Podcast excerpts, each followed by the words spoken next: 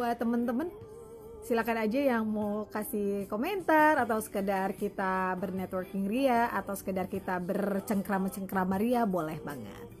Sebenarnya sih kemarin saya tertrigger mau bicara soal ya voice ya apalagi yang jadi konsentrasi saya. Sebenarnya saya mau bicara kemarin sebetulnya soal voice hubungannya dengan emotion. Karena saya baru mendapatkan satu artikel research juga betapa ternyata hubungan emotion dan voice itu ah luar biasa.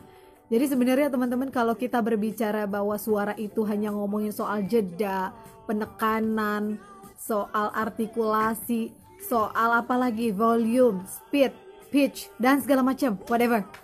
Itu tuh cuma sekedar gitu-gitu aja sebetulnya.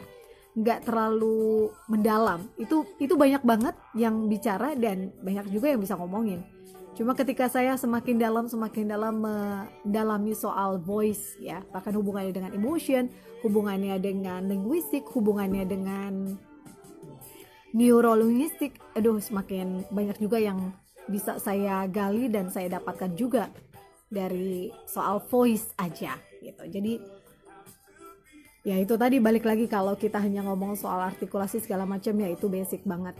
Jadi teman-teman kalau kita berbicara seperti halnya tadi, saya selalu menyampaikan kepada teman-teman kelas voice optimization bahwa ketika kita berbicara itu perlu ada penekanan, perlu ada smiling voices, itu yang teknik vokal sebetulnya, bukan soal voice sendiri. Karena ketika kita bicara voice dan vokal, itu sebetulnya dua hal yang berbeda. Vokal dan voice itu dua hal yang berbeda. Vokal teknik pengucapan, teknik bagaimana bunyi itu keluar. Namun, kalau voice adalah bunyi itu sendiri bagaimana bunyi itu dihasilkan. Gitu.